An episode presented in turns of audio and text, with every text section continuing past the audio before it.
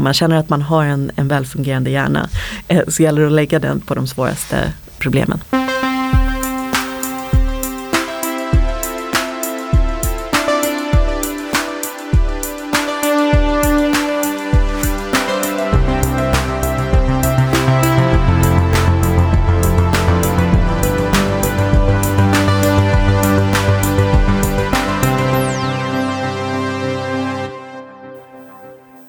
Man tänker sig att vi människor har funnits på jorden i ungefär 315 000 år.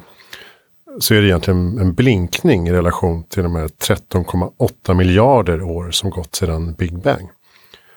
Så att, att tro att vi alltid kommer att leva på jorden som människor i frid och fröjd är i grunden ganska naivt.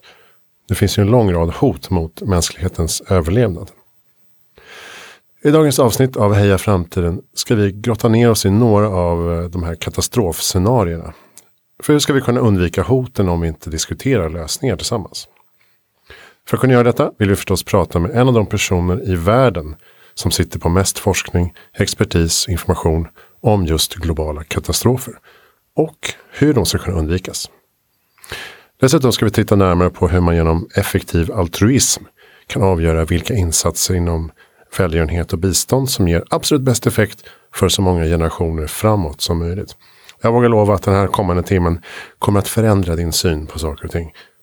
Heja Framtiden säger idag välkommen till Karin Ism. Varsågoda.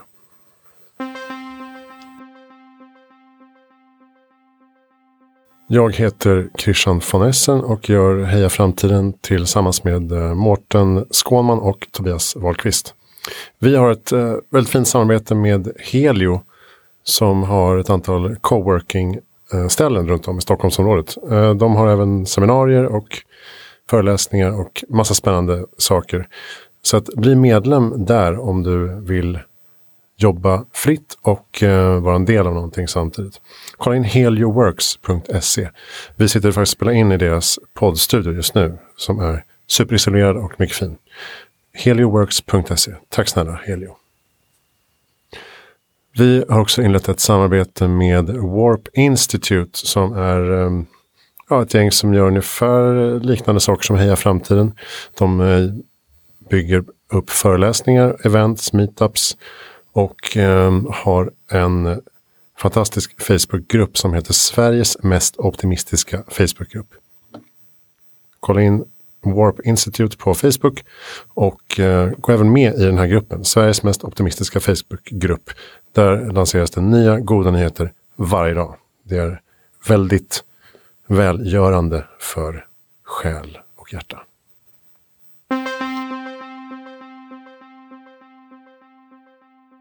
Ja, då säger vi välkommen till Heja Framtiden, Karin Ism. Tack så mycket, roligt att vara här.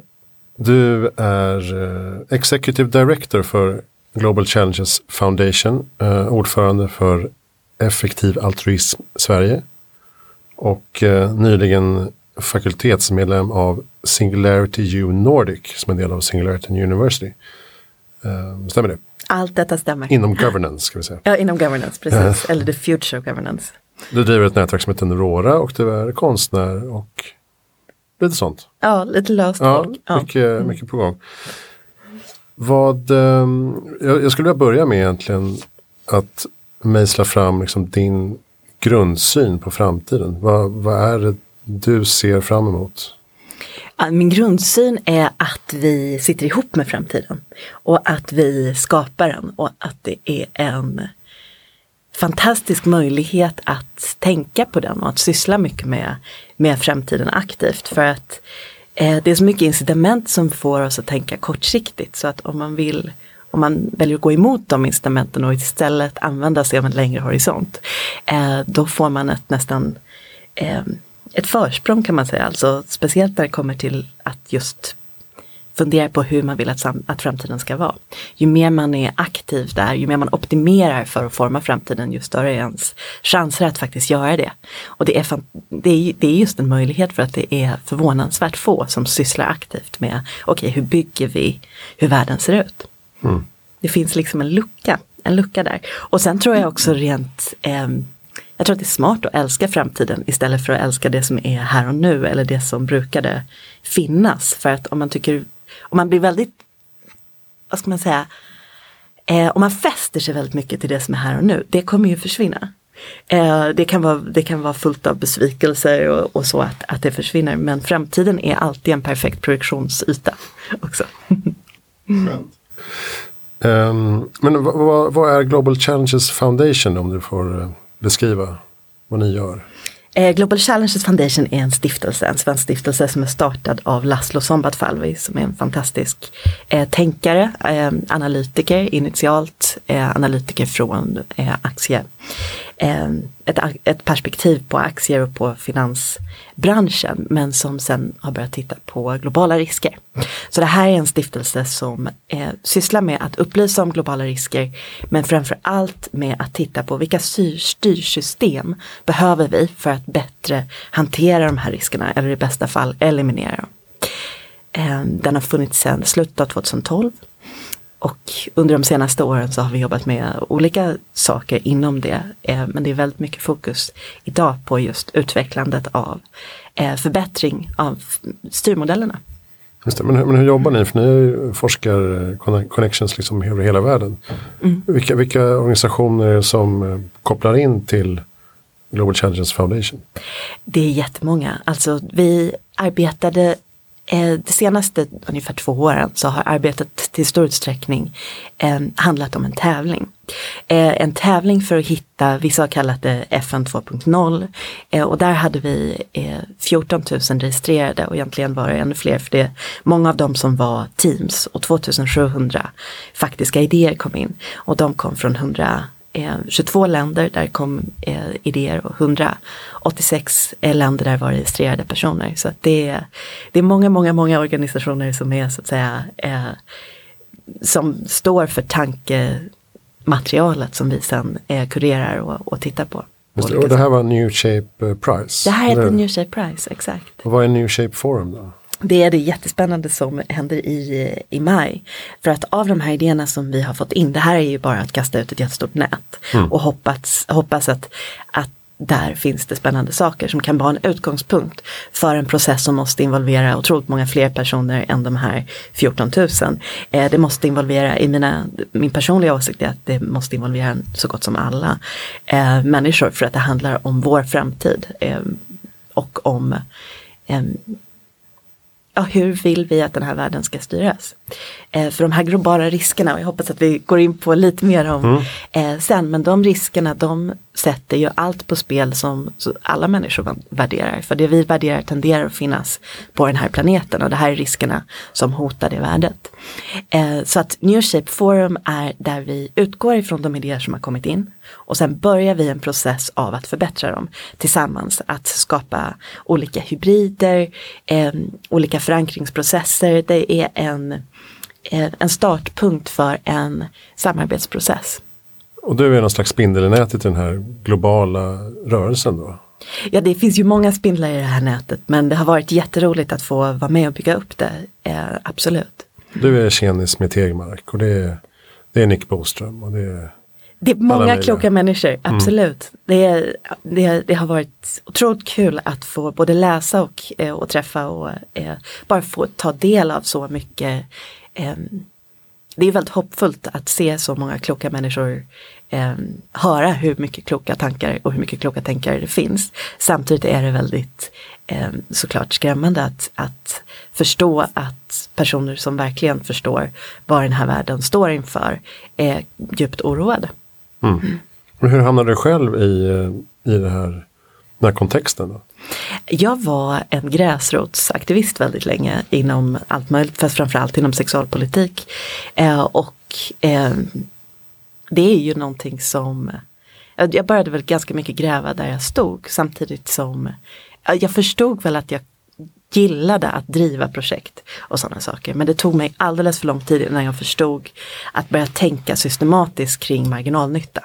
Om det är ett ord som jag tror verkligen skulle kunna förändra hur de flesta personer ser på sina liv så är det det ordet marginalnytta. Mm. Det är ett nördigt ord men det förändrar väldigt mycket. För det är att tänka, inte det här follow your passion utan istället var är de privilegier du har fått mest användbara? Och det var lite så som jag började komma in på sådana här ämnen och risker och fundera på var eh, har jag faktiskt, eh, var, var kan jag göra nytta? Och den viktigaste delen där är att skala upp. Eh, istället för att kanske göra någonting som påverkar två personer, fem personer positivt.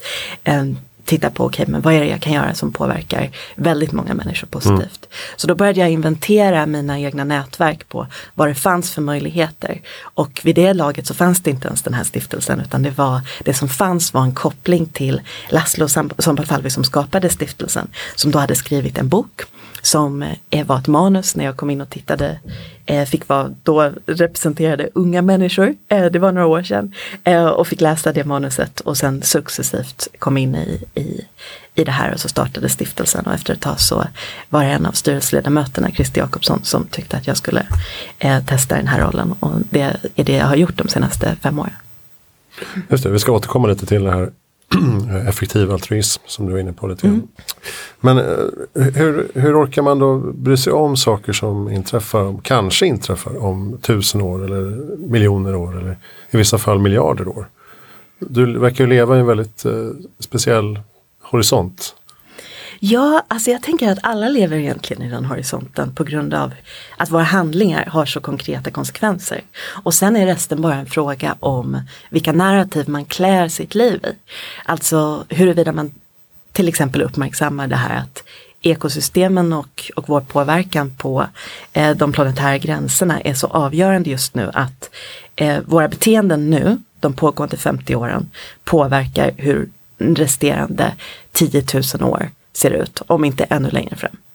Eh, så vi, är, vi lever i framtiden eller vi påverkar den och då är det bara frågan om man vill ta ett, eh, ett etiskt, ett moraliska konsekvenser av det eller om man vill tänka det här out of sight, out of mind. Mm. Eh, och det, det, det, har vi till exempel inom stiftelsen, eh, inom Global Chance Foundation, eh, gjort undersökningar i, i nio länder.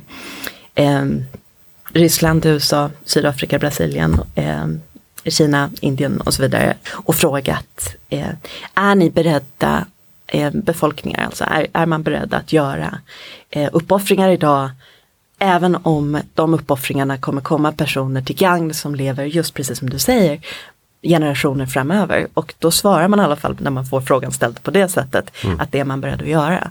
Så det är ju, men frågan är om man, hur tänker man i sitt vanliga Frågan är hur. vanliga liv. Hur, mm. precis. Mm. Mm.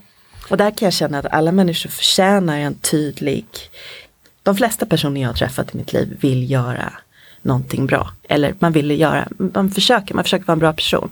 Eh, det kan vara svårt, eh, eller det är otroligt svårt eh, på grund av hur våra konsumtionsmönster ser ut, hur våra livsstilar ser ut. Att det skulle krävas mer än fyra jordklot för att upprätthålla den livsstil som de flesta av oss har i, i Sverige till exempel. Och det borde bli lättare där. Mm. Att, att hitta vägen fram till hur man ska få vara en så bra person som man önskar att man kunde vara. Jag tänkte jag skulle gå in på den här eh, rapporten Global Catastrophic Risks. Som ja, den är framför oss är 2017 och snart kommer den 2018 då.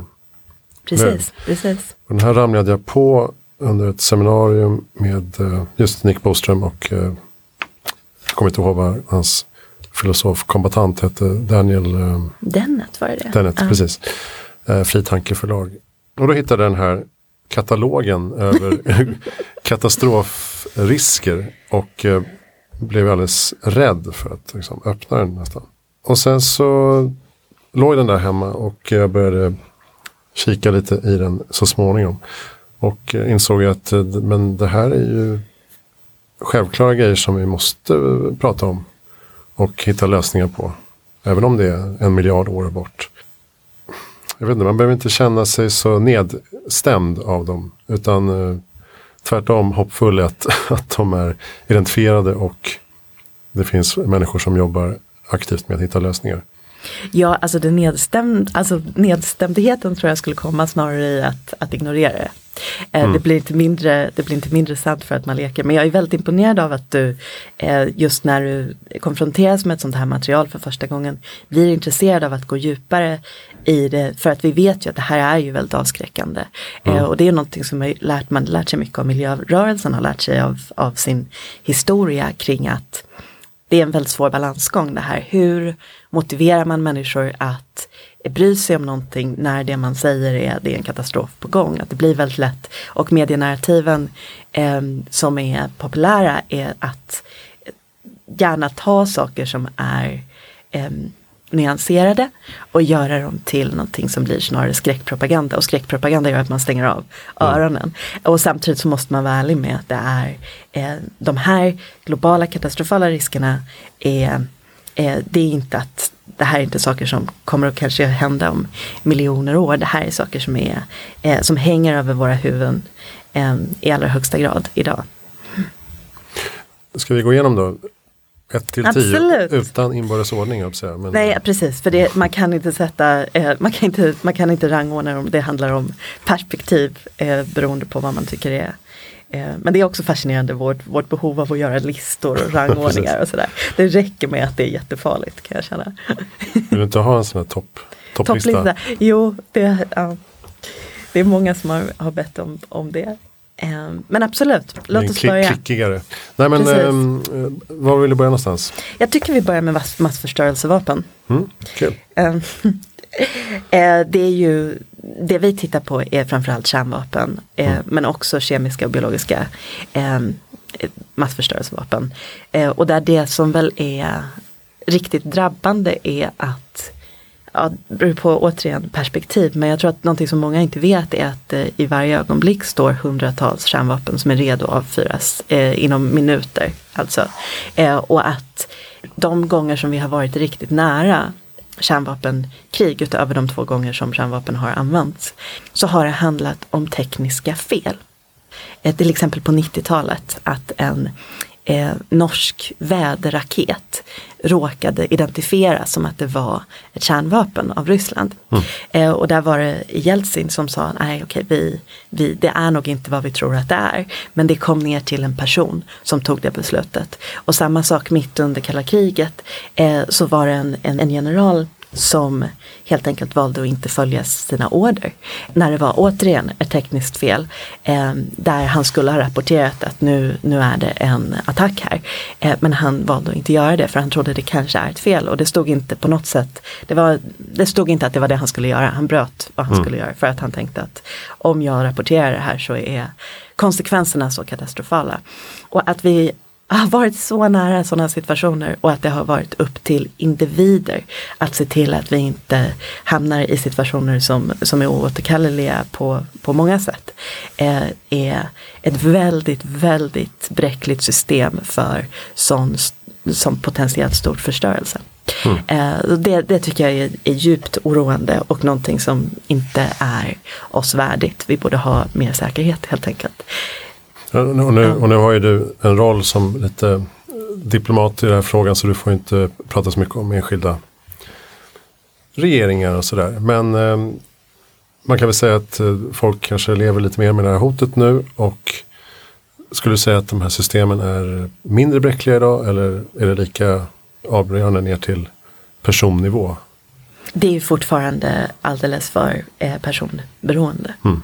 Men det är ju frågan, alltså ska vi ha den här typen av vapen överhuvudtaget? Nu i juli eh, så lyckades ICAN som fick eh, fredspriset för det för första gången alltså få igenom att, att FN har utlyst ett förbud. Förut det är det som har varit det mest effektiva eh, verktyget eh, för att inte kärnvapen ska bli ett ännu större hot varit det här icke-spridningsavtal, non-proliferation eh, agreement. Eh, som ju faktiskt har gjort att väldigt många länder, mer än 20 länder, avvecklade de kärnvapenprogram de hade. Sverige hade ett kärnvapenprogram som avvecklades till exempel. Sydafrika hade kärnvapen som de gav upp. Så att det har, ju, det har varit det, det, har gått upp och ner. Det har funnits fler kärnvapen kan man ju säga till exempel i, i världen. 68 000 medan idag så finns det ungefär 14 000 kärnvapen där Ryssland har ungefär 7 000 och eh, USA har eh, ungefär 7 000. Jag, jag kan ofta känna att vi är så långt från hur det borde gå till. Det, det, och det mest drabbande någonstans är att när det kommer till saker som skulle kunna faktiskt avsluta civilisationen så är vi nästan som minst civiliserade i hur vi försöker lösa konflikterna. Så att där vi Eh, om du och jag skulle hamna i en konflikt då har vi domstolar. Men vad är det värsta som skulle hända om vi hamnar i en konflikt? Ja men att du eller jag skadades. Mm. Men när det handlar om de här sakerna, där är hela civilisationen, då har vi inte den formen av mer sofistikerade verktyg. Utan då är det kraftmätning. För det är det det här är, det är kraft, kraftmätning. Mm. Men vad, vad, är lösningen då? Förbud pratar om.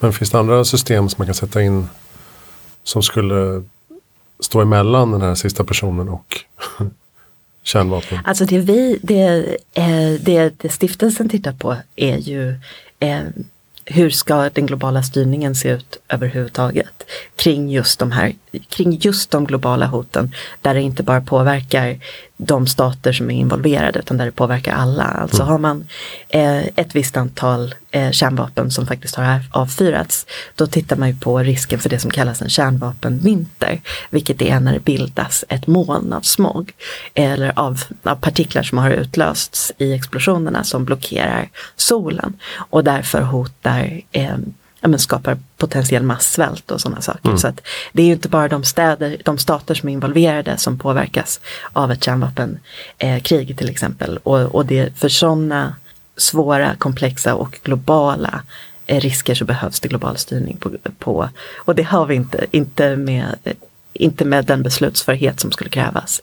Så vi tittar mer på den, den övergripande eh, bilden av, globala, av det globala styret än detaljer i okay. eh, att skilja på individer och, och så. Mm. Men, men, det är ju en helt, helt klart att, att individer är mer, eh, ja, kan vara mer impulsiva eh, och att impulsivitet och kärnvapen inte passar ihop. Mm. Om vi ska, ska vi gå vidare, vidare till denna eh, exposé. Mm. Punkt två är väl då biologisk och kemisk eh, krigsföring. Mm. Och där vi ju ser användandet av kemiska krigs, eh, krigsmedel i, i Syrien mm. eh, och de fruktansvärda eh, konsekvenserna eh, av det. Och det är ju någonting som är annorlunda på så sätt att det är mycket svårare att kontrollera för att kärnvapen är ju, det handlar ju om uran och eh, det är helt enkelt någonting som man kan, bland annat har varit väldigt framgångsrikt kunnat titta på hur säkerheten runt kärnkraft ser ut. Mm. Eh, för att ja, man kan helt enkelt till större utsträckning tracka det som, är, det som behövs för att skapa den typen av, av vapen. Medan när det kommer till biologiska och kemiska krigsvapen så är, är det mycket svårare att, att, att kontrollera. Eh, och fler och fler har eh, potentiell möjlighet att, att lägga vantarna på den här typen av kemisk utrustning och, eh, och råmaterialen till att skapa den typen av vapen. Så det är, eh, det är en annan riskbild helt enkelt, det är en annan hot, hotbild. Eh, och där kommer ju syntetisk biologi in också. Mm. Möjligheten att skapa eh, väldigt olika virus som skulle kunna sprida sig på olika sätt. Så. Ja, just det. Och det känns ju som att, som att eh, det borde vara ganska lätt att nå väldigt många människor i vatten till exempel. Ja, precis. Att precis. Eh, förgifta eller, eller eh, sprida sjukdomar. Mm. Men hur ska man kunna hur ska man kunna skapa ett styrsystem kring sånt då? Ja, det är därför vi har en så stor en, en tävling där vi hoppas att det finns idéer. Men det är ju mm. en otroligt svår, otroligt svår fråga. Men bara för att någonting är jättesvårt och för att jag inte kan ge ett så här soundbite svar här betyder inte att man inte ska försöka lösa det. Det är tvärt om. Ju svårare, ju mer komplext det är, ju fler personer skulle jag hoppas ser sin marginalnytta eh, och går in där. Om man känner att man har en, en välfungerande hjärna eh, så gäller det att lägga den på de svåraste, eh, de svåraste problemen. Om man tror. Mm. Ja. Har man en välfungerande hjärna som är lagd åt, som är lagd åt biologi hållet. och kemi. Precis, precis. Så finns det goda möjligheter att hitta. mycket viktig kvalificering. Mm. Ja. Eller spelteori, för det är ju det mycket också. Ja, okay. mm. ja. Om vi går vidare då till eh, klimatförändringar som eh, är den eh, risk som de flesta kanske tänker på när man tänker globala katastrofscenarier. Scenarier. Och där pratar man ofta om eh, två grader som är någon slags eh, gränsvärde för vad vi bör klara av att åtgärda innan det blir riktigt illa, eller hur? Eh, men, men, men, ni räknar ju också på vad som händer med 3 grader, 4 grader, 5 grader, 6 grader, 7 grader. Um, vad kan du säga om det? Det kanske är svårt för folk att fatta ja, hur precis. illa det kan gå. så att säga. Det kan ju kännas väldigt Eftersom diskussionen väldigt ofta har fokus på en tvågradig uppvärmning. En, I bästa fall är det ju en en och en halvgradig eller en ännu mindre uppvärmning, förhoppningsvis ingen uppvärmning alls, men det har vi redan gått förbi. Det är där diskussionen väldigt ofta ligger. Eh, men vi ser också att det är väldigt viktigt att titta på att sannolikheten faktiskt är väldigt hög även för de här katastrofala scenarierna på eh, säg, säg 7 grader till exempel. Om man ska jämföra det med någonting som människor faktiskt har eh, känslor för idag så kan man jämföra, och jämför ofta med flygolyckor. Och i år eh, det finns ungefär 30 dödliga flygolyckor som sker varje år. Eh, och människor är ju rädda för att flyga aktivt. Men om sannolikheten för att dö i en flygkrasch vore likadan som sannolikheten för en 7-gradig uppvärmning med 450 parts per million, alltså eh, koncentrationen av växthusgaser i atmosfären. Eh, om det vore den, det scenariot, eh, då skulle det vara motsvarande att 30 plan störtade varje timme. Mm.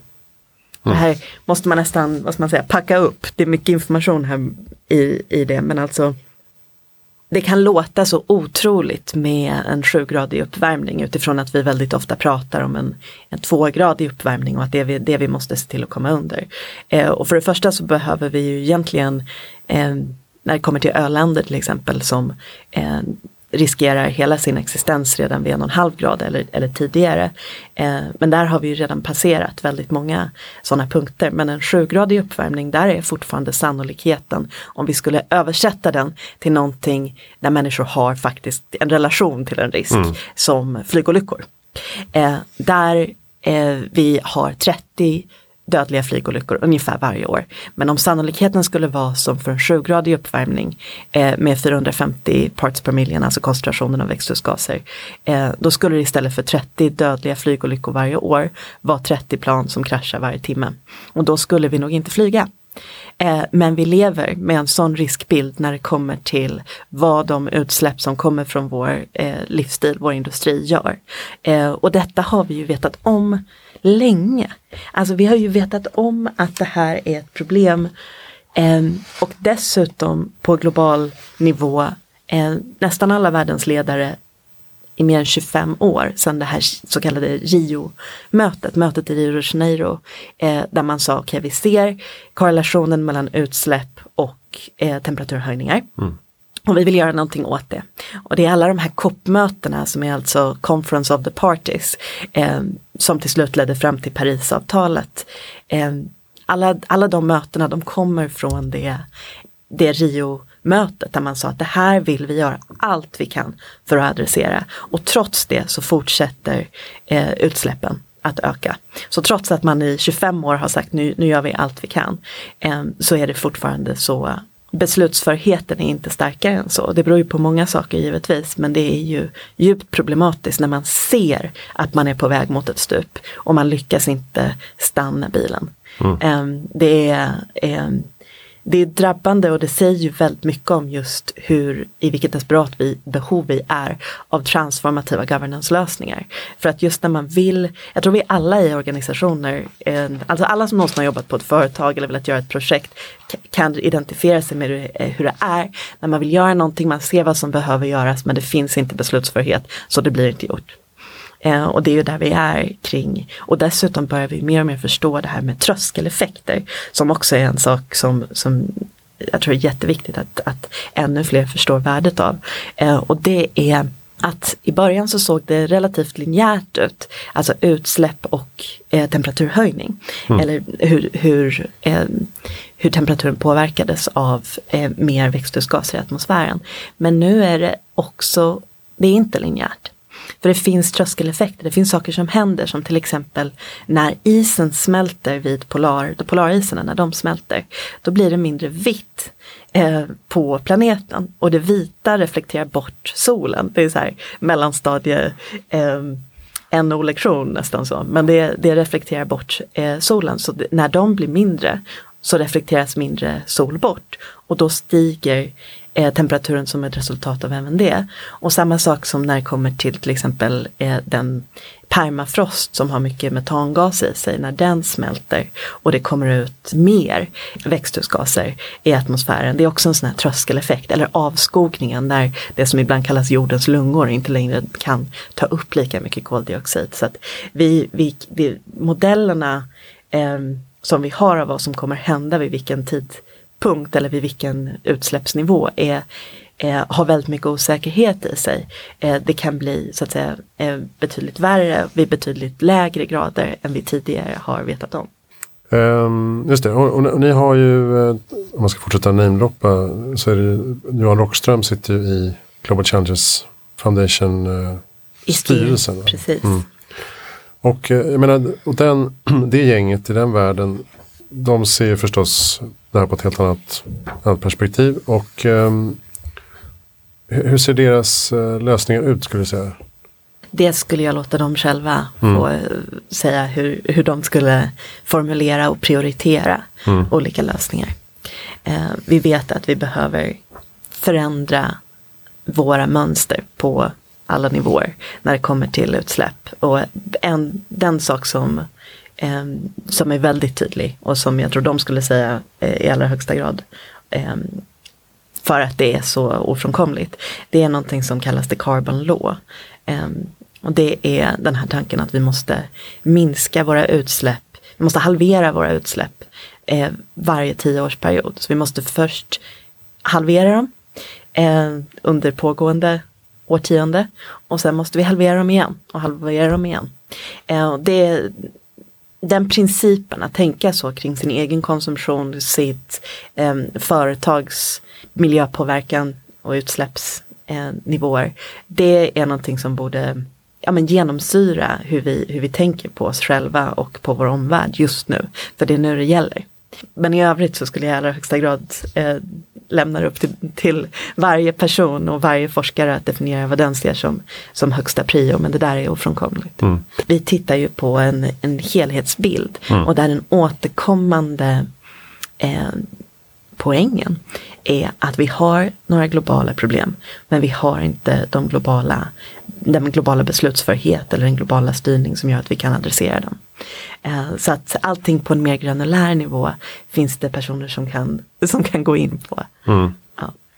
Man tänker också med just marginalnytta och sådär att mm. man att investera i till exempel grön teknik och miljötekniska innovationer måste ju vara otroligt värdefullt för eh, kommande generationer. Bygga mm. om systemen på ett smart sätt. Absolut och en del i Parisavtalet handlar just om investeringar i vad är alternativen. Eh, hur ser de alternativa energi, eh, energiförsörjningen ut? Hur ser, eh, hörde det, tycker det var väldigt klokt det här att inte dela in länder längre i eh, utvecklingsländer och utvecklade länder. För alla länder är utvecklingsländer. Mm. Vi, för alla länder behöver gå igenom den här väldigt transformativa omställningen. Mm. Men eh, till exempel elektrifiering är ju, kan ju vara en viktig del. Alltså att om man plötsligt kan elektrifiera alla fordon som finns så har man ju eh, kommit ganska bra bit på vägen med att reducera utsläpp. Ja, transportsektorn är ju absolut en, en, stor, en stor del. Ja. Ska vi se vad vi har här näst.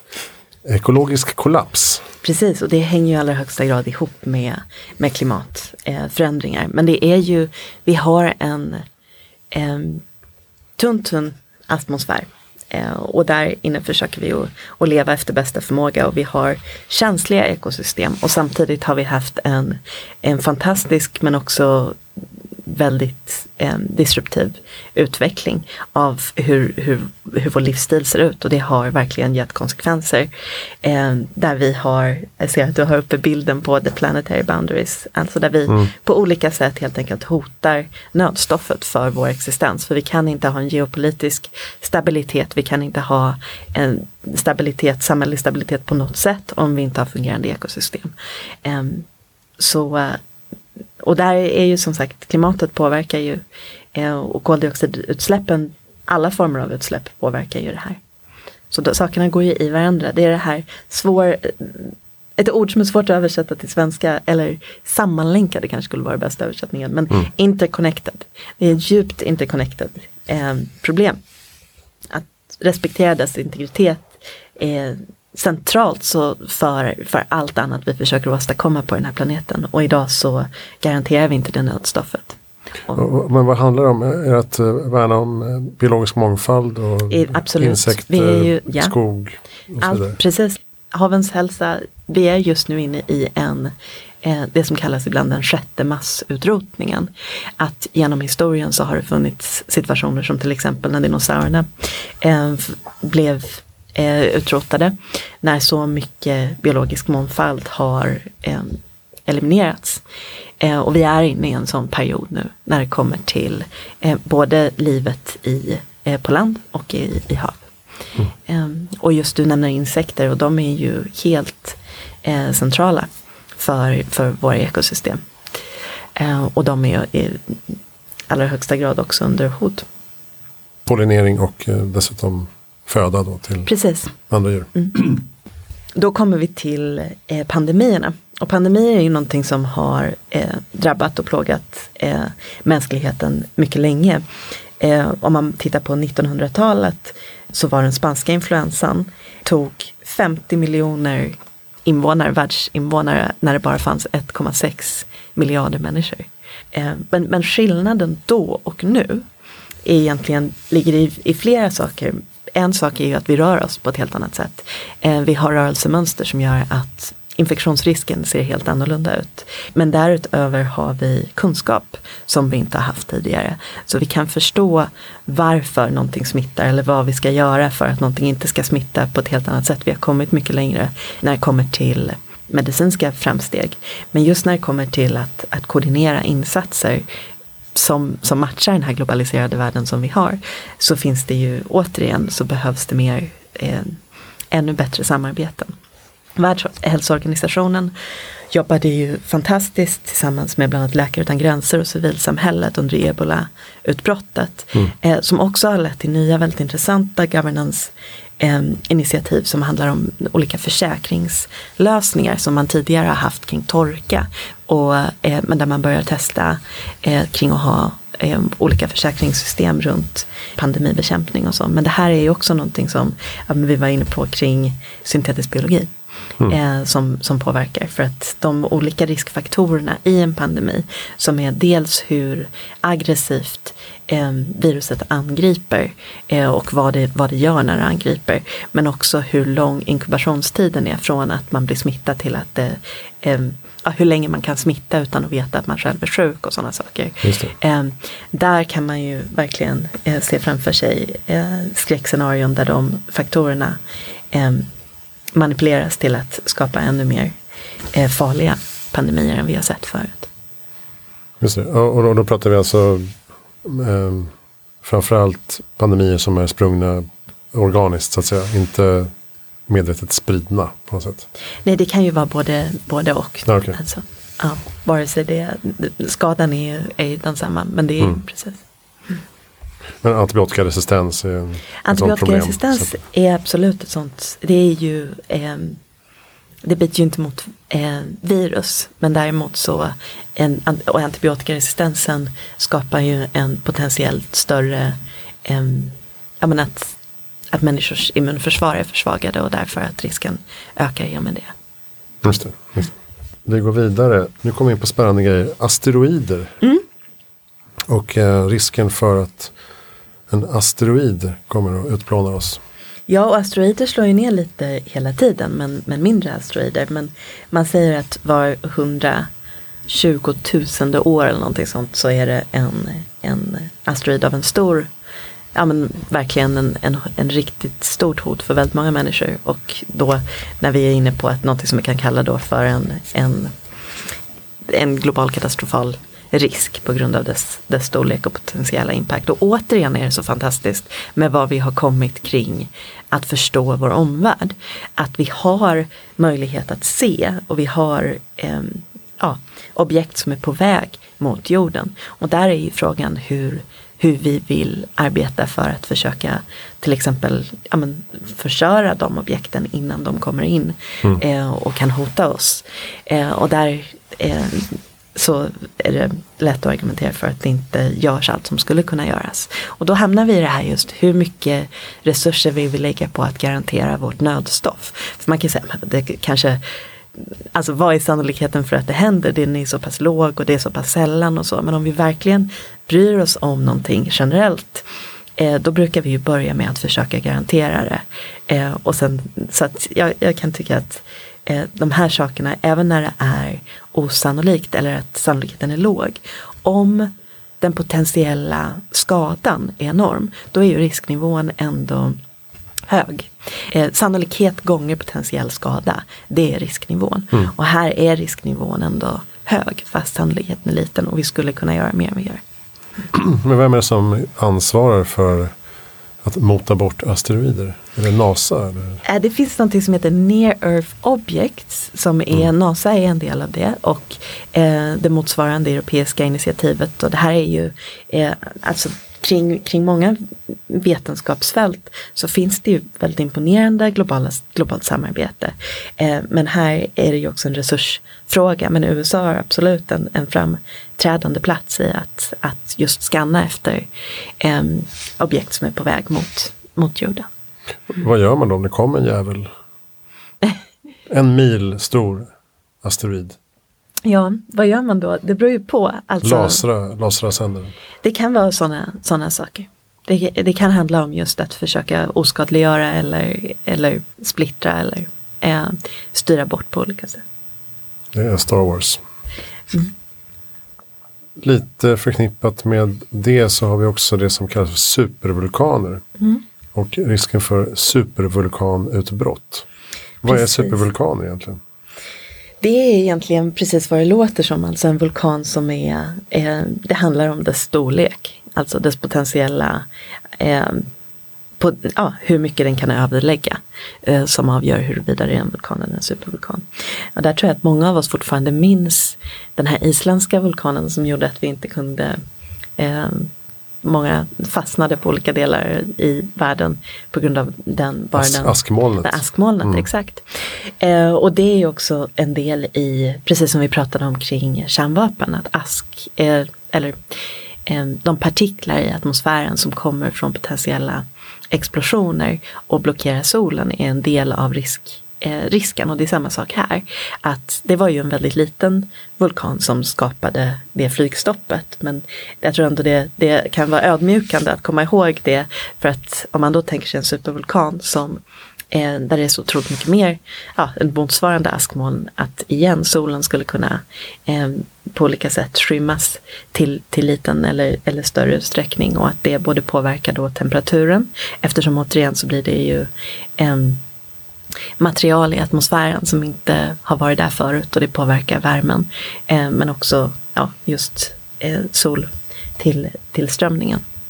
Eh, och sen såklart det som är runt omkring supervulkanen. Och de här sker med, eh, med mer, de här sker oftare än eh, de här stora eh, asteroiderna slår ner.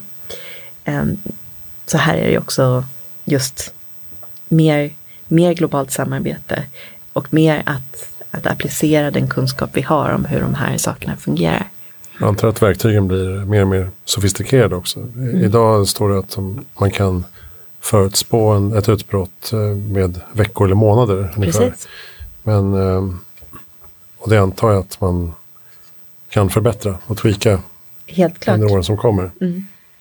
Um, Okej, okay, så att det inte är själva utbrottet och lavasprutandet i sig som kanske är det farligaste utan resten av konsekvenserna så att säga. Exakt, det är, en del, precis. Nedkylning och skymmande. Okay.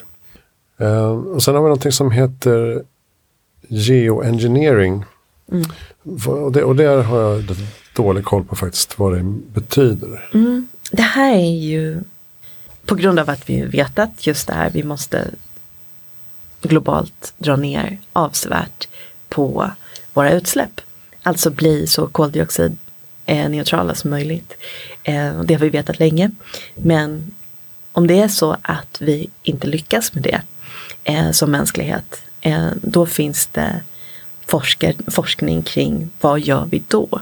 Alltså vad finns det för andra sätt att påverka temperaturen i atmosfären. Och då är en sån återkommande eh, teknik, någonting som kallas Solar Radiation Management.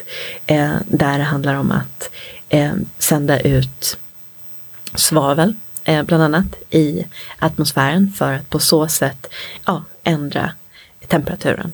Men det här är ju enorma, enorma oprövade, alltså det är saker som har stor effekt men det är oprövat.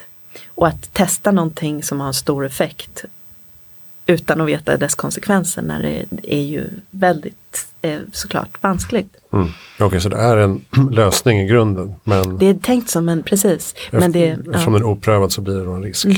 Så att eh, man behöver helt enkelt mer forskning på hur geoengineering kan användas.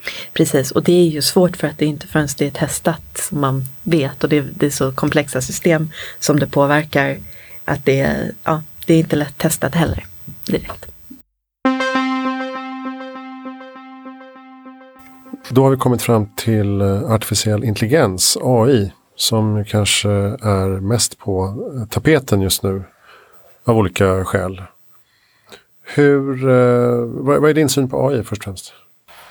Det viktigaste när det kommer till att tänka kring AI-risk eh, tänker jag är just att fundera på det här med att människan har trivts rätt bra högst upp i näringskedjan. Eh, och varför har vi varit högst upp? Jo, vi har varit där, inte på grund av att vi är snabbast eller starkast, vi har varit där på grund av vår intelligens. Och nu håller vi på att aktivt utveckla någonting som ska, vara, som ska göra oss mer intelligenta, men också som bara ska bli så intelligent som möjligt. Eh, vilket ju i praktiken betyder mer intelligent än vi är. Eh, och då är frågan hur vi ska hantera det. Eh, ska vi, och när man ser till hur vi har hanterat andra varelser, varelser med mindre intelligens än vi, eh, så är det ett mardrömsscenario i, i sig självt om man tänker sig att eh, till exempel en AI skulle behandla eh, människor som vi har behandlat, sig kossor. Och samtidigt så är det ju potentialen fantastisk här kring allting som människor inte har varit så bra på. Som till exempel att, att ta kloka långsiktiga beslut, allt möjligt. Ja, Där, allt, allt, vi har pratat om hittills. Allt vi har pratat kan om hittills. AI hjälpa till med. Absolut och, och gör ju redan på många sätt kring algoritmer som, som gör eh, att vi kan ja, förstå vår omvärld bättre. Eh, men rädslan ligger ju kring det här eh, det finns många sammanblandningar här. Vissa tror att den stora faran är att AI skulle bli medvetet till exempel. Mm. Eller att en AI skulle bli ond eller någonting sånt. Men det är inte det, är inte det som är så att säga kärnan, utan kärnan är att en artificiell intelligens skulle ha en generaliserbar intelligens, alltså där den precis som vi kan. Vi lär oss en sak men vi kan eh, extrahera vissa generella eh, delar av det vi har lärt oss och applicera det på någonting annat. Mm. Eh, så att du lär dig att eh, skriva ett visst ord men du lär dig samtidigt, du lär dig ett alfabet men plötsligt kan du också skriva massa ord. Alltså sådär den här eh, möjligheten som människan har där vi applicerar vad vi lärt oss på en sak men gör det på en annan sak. Så att risken är att en artificiell intelligens som kan göra det, som kan, var, som kan generalisera sin intelligens, eh, har mål som inte linjerar med mänskliga mål. Just. Eh, för att det är då, och då finns det det här eh, klassiska i, i den här världen, eh, exemplet med till exempel om människor, om en AI har fått i uppdrag att göra gem. Och så börjar den AI göra eh, jättemycket gem och till slut så börjar den göra gem av även människor och även av allting mm. annat. För att som regel så eh, agerar ju vi med väldigt många mål eh, parallellt. Eh, och dessutom så agerar vi med olika mål som vi har lärt oss av att vara eh, vi har ju uppfostrats i ganska komplexa normsystem där vi ser att okej, okay, eh, jag får vara snäll men jag får inte vara för snäll, jag får vara elak men inte för elak. Det är det hela vår uppfostran är. Därför är det väldigt intressant att titta på de AI-projekt som tittar på att försöka uppfostra en AI i en så mänsklig miljö som möjligt till exempel.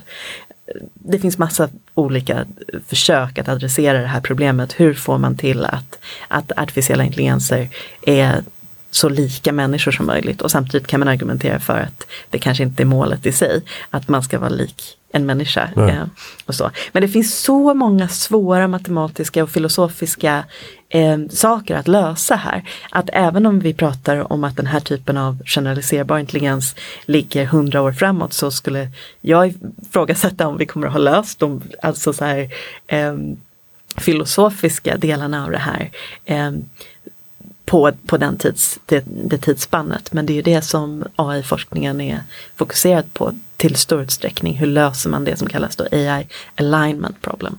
Men det finns också några, några myter kring AI som eh, eh, Future of Life Institute ja. tar upp. Eh, som är rätt bra, som ligger i er rapport också. Eh, vi kan väl dra några stycken där. Ja, jättegärna. Eh, De är myt, toppen. myt 1. Superintelligens är ofrånkomlig vid år 2100. In, ja precis, det är en myt. Det, det, vet vi inte. Det skulle kunna, det är varken omöjligt eller ofrånkomligt. Vi vet inte. Det är för många variabler. Ja. Myt två, only Luddit, vad står det? Luditer, Luditer. precis, Luddites. eh, oroar sig för AI. Eh, alltså bara folk som helt enkelt är teknofoba på något sätt. Och så är det ju inte, utan det är ju väldigt mycket just djupt insatta personer som har en oro. Just det, det ser vi ju bland annat med som sagt Tegmark och eh, Elon Musk och alla de här som engagerar Stephen sig jättemycket, Hawking. Stephen Hawking, i eh, eh, olika stödsystem och organisationer. Eh, och där, därför är det extra beklämmande då att, att det är så liten del ändå av eh, Precis, mer går 99,9 till procent går till annat än säkerhet. Mm. Myt, AI kommer att bli ondskefull. Precis, då är vi tillbaka i det här med AI, eh, AI alignment. Det är inte att den skulle bli önskefull, det är inte att den skulle bli medveten. Det finns en över en fas på det här med att det är när en AI skulle bli medveten som saker skulle bli så annorlunda. Men det är just det här med målen. Alltså vad är eh, en artificiell intelligens försöker optimera för att uppnå? Det är det som är kruxet. Mm. Men hur vi formulerar våra mål. Hur vi formulerar våra mål och hur vi lyckas överföra dem. Um, myt, robotar är det stora problemet. Nej, det är miss, misaligned intelligence, alltså eh, intelligenta varelser som har andra mål än vi. Och, och, eh, och det är inte heller så att eh, den här intelligensen måste sitta i en robot eller någonting som kan överhuvudtaget röra på sig. Det kan ju vara ett eh, datorprogram eller Precis, och jag tror också där, där känns det som att man också vill eh, eh, uppmärksamma den här, ja, vi kommer alltid bara kunna hälla ett glas vatten över dem. om det är alltså så här att det är inte så, det är inte så, eh, det är inte så det fungerar för att det är inte, det här handlar inte om eh, plåt-Niklas utan det här är en, en, en intelligens. Just det. Vad den än sitter i. Eh, myt, AI kan inte kontrollera människor. Ja, och då är det samma sak här. Alltså titta på vad, vilka vi har kunnat kontrollera. Vi har kunnat kontrollera eh, ja, alla djur i, i världen. Som vi har kommit i kontakt med för att vi har varit intelligenta nog att skapa eh, väldigt, väldigt skadliga vapen. Myt, maskiner kan inte ha mål. Eh, och där är ett fantastiskt exempel här eh, från Future of Life Institute att en, en värmesökande missil har ett mål. I allra högsta grad. Mm. Eh, myt, superintelligens är bara några år bort i tiden. Ja, det är minst eh, 10-20 år. Eh, men det skulle kunna ta ännu längre tid att komma på hur man ska få såna här eh, system säkra än det tar att faktiskt utveckla dem. Mm. Och det är det som är oron, att vi kommer ha tekniken innan vi har kommit på hur vi ska använda den på ett smart sätt. Alltså. Och då, det är då som vi kommer in i sådana här problem kring eh, kapprustningar. Mm. Alltså att både mellan länder för att Som, som Putin sa i en, han pratade med en förskoleklass eh, för förra sommaren. Eh, och då pratade om vikten av att läsa STEM, alltså Science, Technology, Engineering, Math. Eh, och nämnde massa exempel varför det är så viktigt och en av de sakerna han sa då eh, var eh, Whoever has the best AI will rule the world, någonting sånt. Mm. Och omedelbart så blev det rubriker över hela världen för att det var så här, oj okej, okay. Ryssland har tydligen en förståelse för det här och det är klart, det är klart de har. Alltså det är klart att alla eh, som har ett intresse av att ha en, ja, men en ledande eh, handel eller en ledande, vad den är som man vill vara ledande inom, så är det ju det här som man ska ha ögonen på. Mm. Och Ryssland har vi inte så bra koll på deras AI-utveckling, vad jag förstår. Det, skulle, det finns det nog olika åsikter om. eh, men, en fråga som jag alltid återkommer till kring det här är ju Alltså måste människan utveckla den här eh, superintelligensen? Det känns som att eh, vi pratar om en risk som vi själva liksom, vi vet att vi inte kan låta bli på något sätt. Är inte det märkligt? Det är väldigt intressant. Det är det verkligen. Eh, det är ju lite liknande med, med kärnvapen på så sätt. Där har vi ju utvecklat någonting som otroligt många människor, förmodligen de flesta skulle vara överens om att vi faktiskt inte borde använda igen. Vi har mm. använt det två gånger och det räcker. Liksom. Eh, och väldigt mycket av de här insatserna, ja men det faktum att, att det accepterades ett förbud mot en teknik. Eh, men det är någonting som kliar i fingrarna och som såklart, det är ju, men redan nu, den AI som vi har idag kan vi ju applicera på otroligt många sätt och förändra och förhoppningsvis förbättra världen och villkoret för alla människor. Eh, så frågan är hur mycket smartare behöver vi göra och kan vi titta på applikationer och fördelningar och så. Men det är, det är ju nästan som att det är någonting i oss. Och där, där kommer man in på filosofiskt. Fermi-paradoxen och det som kallas det stora filtret. Har du mm, konfronterats med? Så Fermi-paradoxen är det här när vi tittar ut i universumet, det är ju i, ja, i rymden och det finns så många miljarder stjärnor och galaxer. Eh, och vi har lyssnat för att hitta liv eh, ganska länge nu. Och fortfarande är det bara tomt. Varför verkar det vara så tomt? Eh, och då finns det olika teorier kring varför. Eh, och en av de teorierna är att det kanske finns ett, någonting som då kallas det stora filtret. Eh, som skulle kunna vara att när en art blir tillräckligt intelligent så utplånar den sig själv. Så att varje gång som det är möjligt för en art att komma mm. eh, ut och kolonialisera andra planeter eller eh, ja, göra kontakt med andra potentiella arter eller vad det nu finns där ute så, så lyckas eh, man förgöra sig själv. Det är väldigt drabbande tanke. Sådär. Så du att när vi tittar ut på stjärnhimlen och ser mm. någon, någonting som blinkar då kan det vara en civilisation som förgör sig själv några miljarder Vi får se om vi ser någonting blinka. Mm. Men det är, ja, det är i alla fall en, det är ganska intressanta saker. Vissa får ångest av sånt här, vissa tycker att det är spännande. Eh, och vissa känner ingenting. tror, tror, du, bara en snabb fråga, tror du på att det finns annat liv i rymden? Jag, jag är jätte, eh, vad ska man säga, medveten om att jag inte vet den här agnostiska hållningen kring, kring det. Jag vet inte, Nej. jag har inte tagit någon eh, ställning, jag har inte träffat någon. Nej, vad du vet i alla fall. Vad jag vet. Um, ja, sen har vi vi ska lämna rapporten men det finns också eh, ett kapitel kring okända risker, alltså mm. alltså unknown risks. Eh, och det är väl svårt att säga så mycket om det, bland annat nanoteknologi pratar man om där. Eh, någonting som är intressant där mm. tänker jag är att både klimatförändring, kärnvapen, artificiell intelligens, ingen av de sakerna fanns i jordboken för hundra år sedan. Mm. Alltså, så det, saker kan gå fort och med tanke på vår tekniska utvecklingskraft och, och den här just viljan att göra nya saker. Det är svårt att veta vad som är, ja. Men teknik är ju muskler för våra viljor och ju mer muskler vi har, eh, ju större, ja. Eh, Insatser. Mm, precis. Bra, vi ska gå vidare. Du är också ordförande i eh, det som kallas för effektiv altruism i Sverige. En organisation som kommer från USA från början? Eller? Det är väl en blandning, det är anglosaxiska världen, lite mm. Storbritannien, lite, ganska mycket Australien och Peter Singer. Okay. Um, ja. EA kallas EA, Effective precis, precis. Uh, berätta lite vad det är för någonting. Vad, vad gör EA-rörelsen?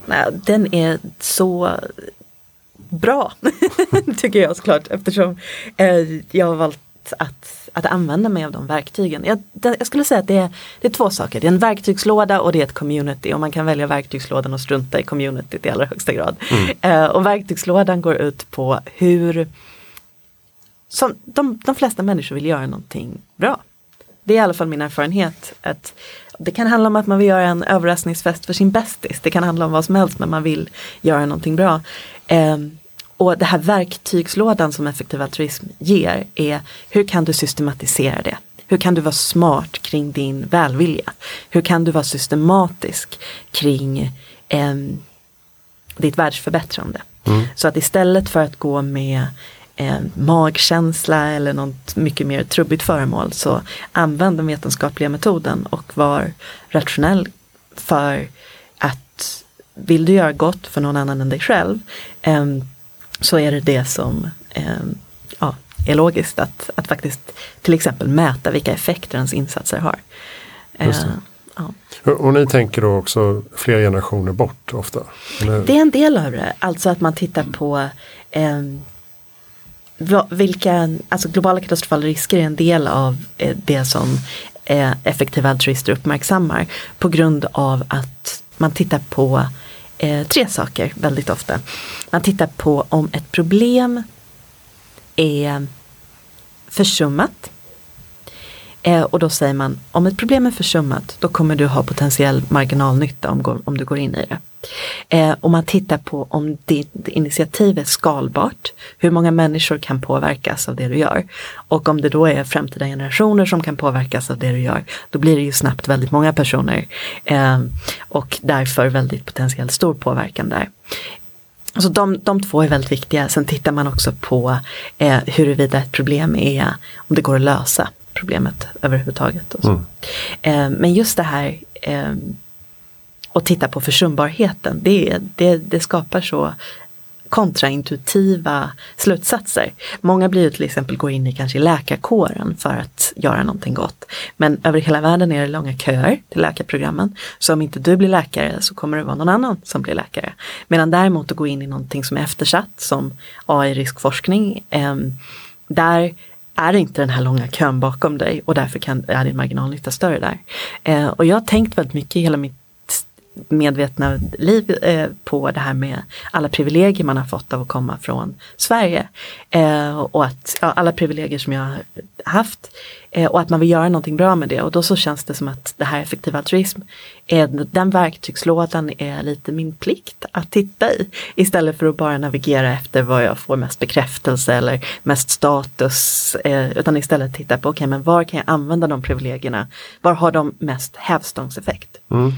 Eh, och det gäller vare sig man vill till exempel ge pengar, vart ska man ge de pengarna? Eller om man vill ge sin tid eller sitt liv eller hur man vill göra. Vi pratade tidigare om, om volontärarbete som mm. en sån sak som kanske känns bättre än vad det förbättrar världen. Ja men precis. Man alltså, har lagt det året på något annat. Exakt, exakt. Till exempel på att uppdatera sitt, till exempel på att skaffa, skaffa sig ett, ett eh, användbart, en användbar kompetens, eh, utbildning. Och det kan ju vara, kan ju vara kontroversiella ställningstaganden mm. som kommer ut av det här förstås. För det är ingen som vill höra att ditt volontärarbete är meningslöst. Eller, att, eller till och med negativt. Nej, till och med negativt. så kan det ju ofta vara. Uh, men hur ska man tänka då kring gåvor och bistånd och sådana saker? För de flesta organisationer idag förespråkar till exempel småföretagande som viktigaste faktorn för tillväxt i, i, i den, de länder som är i behov av av bistånd. Eh, och vissa menar att skit i det, ge dem cash i handen mm. så det är bättre. Mm. Och mat är ingen idé att skicka för det Nej. förstörs. Utan cash i handen är bäst. Hur ska man tänka där? Du? Man ska tänka mindre och mäta mer. Alltså Mm. vad är det som faktiskt har eh, effekt? Mäta mindre och känna, alltså så här, vara mindre trendkänslig. För det är inte rimligt att så mycket, både biståndsfilantropi och så är trendkänsligt. Eh, alltså att, att skapa en norm kring att mäta påverkan. Och vissa saker är mer svåra att mäta än andra men idag så finns det till exempel ganska mycket rekommendationer som pekar på hur mycket av en organisations budget går till administration och hur mycket som det heter ibland når fram. Eh, Sådana saker. Men det är egentligen inte den intressanta eh, KPIn eller den intressanta mätpunkten utan det intressanta är ju vad var påverkan. För det kan ju vara en organisation där 90% går till administration men påverkan är så stor att det ändå är större än, eh, än många andra in- initiativ. Det är, den, det är det man vill åt, just att, att någonting ska leda i den riktning som var avsedd. Eh, och där finns det verkligen saker som när jag kom in i den här, började läsa den här litteraturen och den, det finns en bok här som jag skulle rekommendera verkligen alla, den är bra som ljudbok, lättläst och den heter Doing Good Better. Um, och den tittar på, ja men till exempel Väldigt många beundrar ju personer som Raoul Wallenberg eller Schindler eller, eller så som, som räddade så många liv. Eh, men de flesta människor kan på en genomsnittlig lön i Sverige ge bort eh, pengar under sin eh, ja, under sin karriär som räddar kanske inte lika många personer men, men helt klart detta, personer. Vill man rädda liv så kan man göra det. Eh, och det finns mätbara sätt att, att titta på det. Eh, så att den boken skulle jag rekommendera alla och där får man också väldigt många sådana myter. Jag växte i alla fall upp med att tro att kamratstödjare till exempel var något positivt. Sådär. Men evidensen säger någonting annat. När man väl mäter effekt så är det inte, inte så. Eh, och det där, just det här att vi, vi tror att vissa saker är bra för att de har snygga narrativ omkring sig och vi har sett dem ofta och, och hakar på dem för att det låter bra. Men det räcker inte med att det låter bra, det måste faktiskt eh, ha en bevis, bevisad bra effekt. Just det. Och, och där kommer vi in på det här gänget bakom 80 000 hours. Ja, Som är ett, det är ett EA. det är Relaterat. högsta grad det. Mm. Ja. Det är ju antingen, man kan ju ha olika former av resurser att, att ge. Eh, och vissa har pengar eh, och vissa har tid. Eller de flesta av oss har ju tid. Och har man inte tid utöver sin karriär så har man ju själva sin karriär. Och en genomsnittlig karriär är 80 000 timmar. Eh, så det här är ett initiativ som hjälper en att se hur ska man lägga de 80 000 timmarna. Och eh, det rimliga tycker jag vore att alla lärare, syokonsulenter, föräldrar kollade in den sidan innan de börjar eh, ja, försöka rådge barn eller rådge sig själva. För man kan ju på grund av, vi pratade inte om den delen av AI-risk, men automatisering eh, som ju är någonting som kan vara fantastiskt och leda till underbara saker men också vara eh, en stor utmaning för samhället som är så byggt på att människor lönearbetar på ett visst sätt. Automatiseringen kommer göra att många måste byta karriär och det är också en sån här möjlighet. Man kan ju byta, man kan ju välja att linjera sig med sina värderingar när som helst i livet. Eh, när man har någon sorts andrum eller hälsa eller resurser på något sätt och tiden är ju ens, ens resurs. Och det som är fascinerande med 80 000 hours är ju att det är ju unga studenter som har dragit igång det här. Från början, Är det, är det ja. Oxford eller Harvard? Eh. Oxford, Oxford. Eh, det, de sitter på eh, Oxford Martin School, de är inte studenter längre men det är ju studenter. Vi har just nu från EA Sverige eh, karriärsklubbar med mycket handelsstudenter som, eh, för, ja, som får, får stöd i att navigera sina karriärer utifrån EA-perspektiv. Mm. Och, det, och då, eh, det är roligt, de har ju någon slags brevkurs nästan. Ja. Alltså man får mejl varje vecka. Jag har gått in i det. Vad kul! Eh, baserat då på ens kompetens, bakgrund och Precis. eh, vad man är intresserad av. Och vad man tror. Om jag tror att AI kommer vara så otroligt viktigt i framtiden. Mm. Så säger de, ja men då kanske du bör jobba med det. Mm.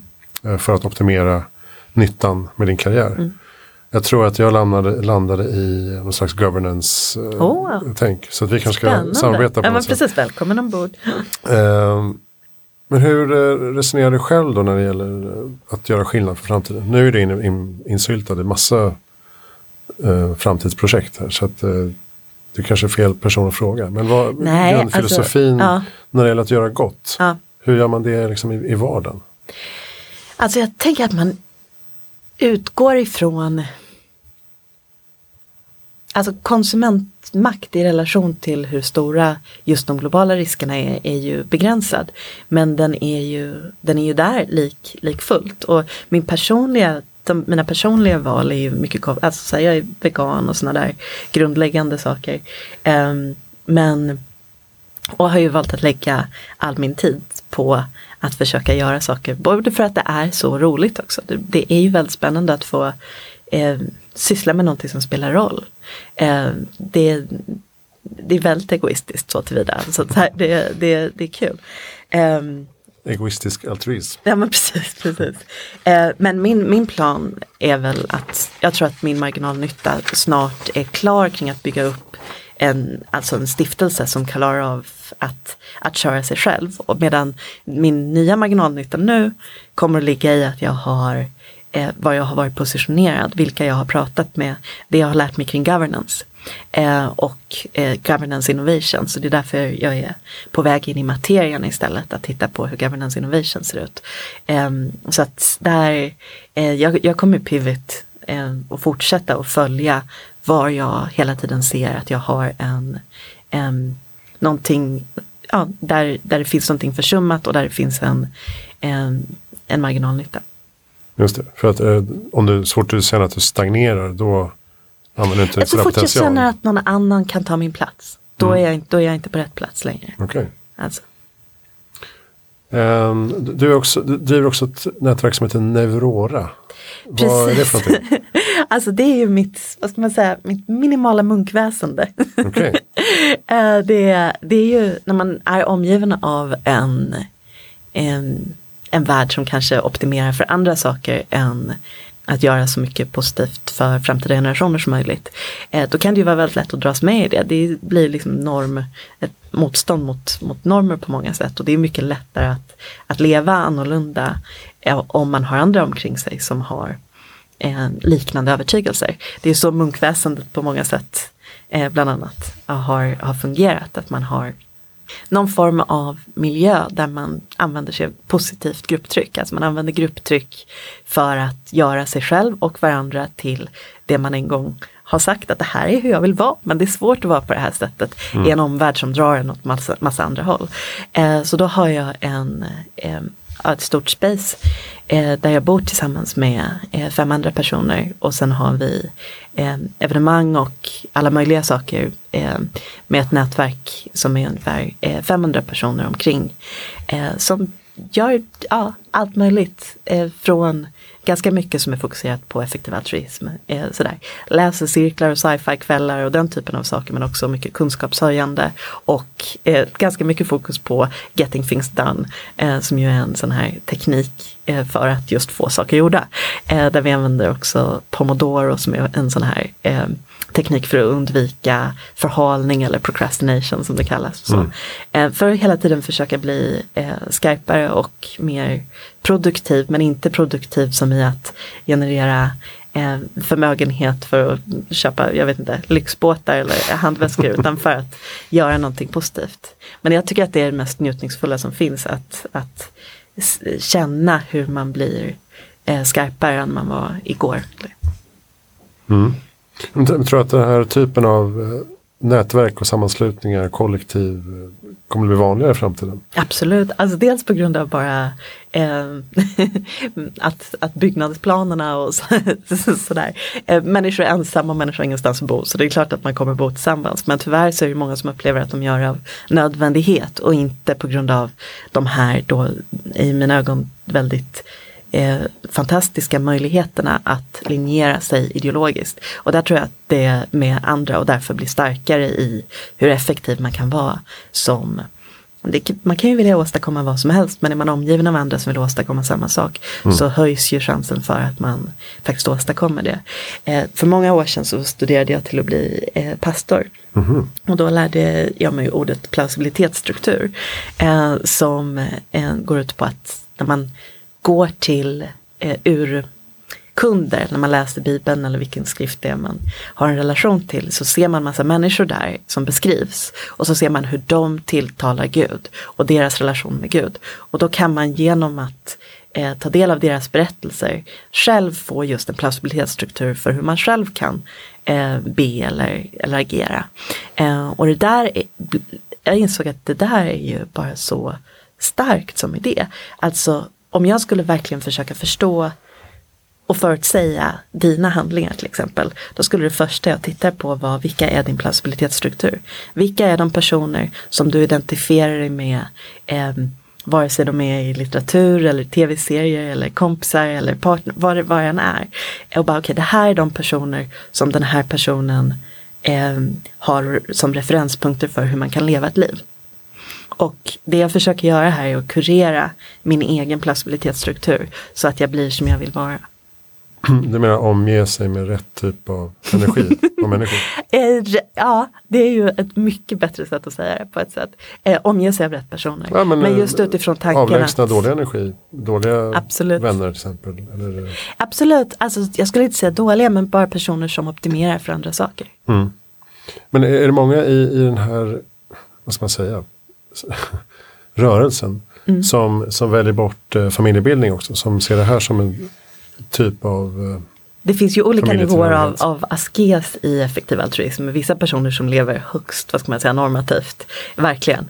Eh, och sen är det andra som är minimalister och som väljer att äga väldigt få ägodelar. Och, mm. eh, så det finns hela, hela spektrat. Det är ingenting som krävs. Det här är, alltså själva effektiv altruism, det är bara ett verktygssätt för att eh, ta ens altruistiska impulser på allvar och systematisera hur effektivt man, man når sina mål. Eh, men sen så uppstår det ju ett community community omkring det. Eh, och just det här att omge sig med personer som gör en mer, mer effektiv och mer altruistisk. Eh, det, det är bara en, ett uttryck helt enkelt. Mm. Mm. Jag har lagt min tid på tre barn så att de får ju bli då AI-säkerhetsforskare. Allihopa och ja, då har du plötsligt ja, tredubblat din. Ja. Um, ambassadörer på något sätt. Mm. Eh, men du jobbar också som konstnär. Mm. Hur, eh, du, du någon sorts coola glas eh, tavlor, eller hur? Ja, alltså det är väl om jag skulle ta bort allt vad eh, ideologi och övertygelser eh, handlade om. Då skulle jag bara göra konst hela tiden. Mm. Hela, hela tiden. Det kommer liksom som ett så här, eh, det bara flödar den, den viljan. Eh, men sen har jag eh, valt att inte eh, satsa så mycket på det som på grund av just att, att jag just nu i alla fall inte ser modellen för hur det är eh, där jag har bäst påverkan. Men det är, jag, jag, det jag gör i min konst är samma sak som jag egentligen gör i, i allting annat. Vilket är dekonstruera verkligheten så som den är given till oss. Titta på vilka delar som finns kvar och sen försöka sätta ihop dem till någonting annat. Ja, för du tar jobbiga grejer Exakt collage som blir vackra. Precis. Så. precis. Så jag, jag, gör det bara på ett väldigt, vad ska man säga, övertydligt sätt i konsten. Mm. Och sen så nu så har jag, eh, förut så gjorde jag väldigt mycket just glasmuraler, alltså så här väggar. Eh, men nu har jag börjat göra för att kunna, eh, jag vill göra sådana här skyskrapslobbys nu. Mm. Så det är, det är det jag håller på med när jag väl låter mig själv göra konst. Mm. Ja, det vore coolt. Vi ska avrunda. Hur, hur gör man om man vill engagera sig i något av det vi har pratat om idag? Då? Vi har Global Challenges Foundation. Det är globalchallenges.org. Finns eller på Facebook. Facebook precis, Eller på Twitter, challengesfnd. Mm. Eh, 80 000 timmar tycker jag alla eh, borde kolla in. Alltså, och också de har en jättebra Facebook-sida. Eh, eh, där, där kan man börja lite sådär. Just, är det 80,000hours.org? Exakt, tror jag. Precis. Där kan man verkligen fastna. Mm. Det, Visst är det bra? Mm. Ja. Eh, den här boken, eh, Doing Good Better, skulle jag verkligen rekommendera som läs, läsning. Vem har skrivit den? Will McAskill. Okej, okay. Will McCaskill. Och sen kom ju 2018 års rapport här i slutet av maj och då är det också New Shape Forum som vi pratade om när vi kommer titta på just governance-modellerna eh, som har kommit in och den, där kommer vi ha en öppen dag för allmänheten i, på Kulturhuset. Okay. Så om man vill få en, om man verkligen vill komma in i det här och bli en uppdaterad världsmedborgare på en enda dag, då är det 27 maj som gäller. Bra. Och sen har jag en hemsida också där man kan se allting på samma ställe som kommer komma upp om någon vecka som heter karinism.com. Bra. Eh, Effektiv altruism har eh, punkt.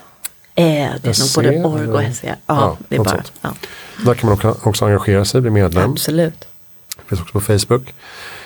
Ehm, ja, vem tycker du att vi ska intervjua i Heja Framtiden? Jag tycker Christian Rönn, för han är en sån här person som är ja, en av de häftigaste hjärnor jag vet. Och han har hållit på med bland annat ett, eh, ett företag som heter Normative som kan dra eh, all, alla kontotransaktioner och se exakt vad man har för påverkan på planeten. Eh, men nu håller han på med AI-säkerhetsprojekt som också är jättespännande. Han är bara en sån här djup framtidstänkare. Han är fantastisk, så honom skulle jag säga. Eh, men jag kan ge dig 50 namn. Det, det uppskattar jag. Du har gett mig en del namn tidigare. Ehm, tack snälla Karin Isp för att du eh, kom hit. Jättekul eh, att vara här. Helio Great Turegatan 30, GT30, där vi spelar in i det fantastiska lilla poddrummet. Kolla in helioworks.se. Eh, jag heter Christian von Essen och eh, Heja Framtiden finns på Facebook. Och det finns en e-postadress som heter hejaframtiden.gmail.com. Vi finns på Instagram, det heter Heja Framtiden Podcast. Och vi finns på Patreon om man vill donera några kronor per avsnitt. Det skulle uppskattas enormt. Hör av er om ni har roliga sponsorskap eller partnerskap eller tips på annat. Tack så mycket. Heja framtiden. Hej då.